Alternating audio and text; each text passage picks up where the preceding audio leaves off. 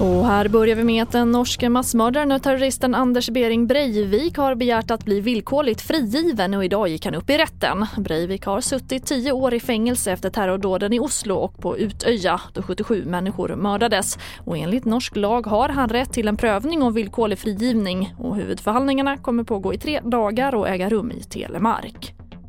Och den man i 40-årsåldern som skottskadades i morse i centrala Helsingborg har avlidit. Ingen är ännu gripen och polisen säger till SR att man vill ha uppgifter från personer som kan ha sett en mörklädd person, troligtvis på en elsparkcykel, i området ungefär vid 28 i morse.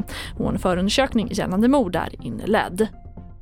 Och spridningen av omikronvarianten är hög och testningsköerna är så långa att den breda PCR-masstestningen just nu är meningslös när svaren dröjer upp till en vecka. Det menar en del experter. Bland annat Johan Styryd, överläkare på Danderyds sjukhus, menar att man istället borde rikta testningen där den fyller en viktig funktion som till exempel inom sjukvården och äldreomsorgen. Fler nyheter det hittar du på tv4.se. Jag heter Charlotte Hemgren.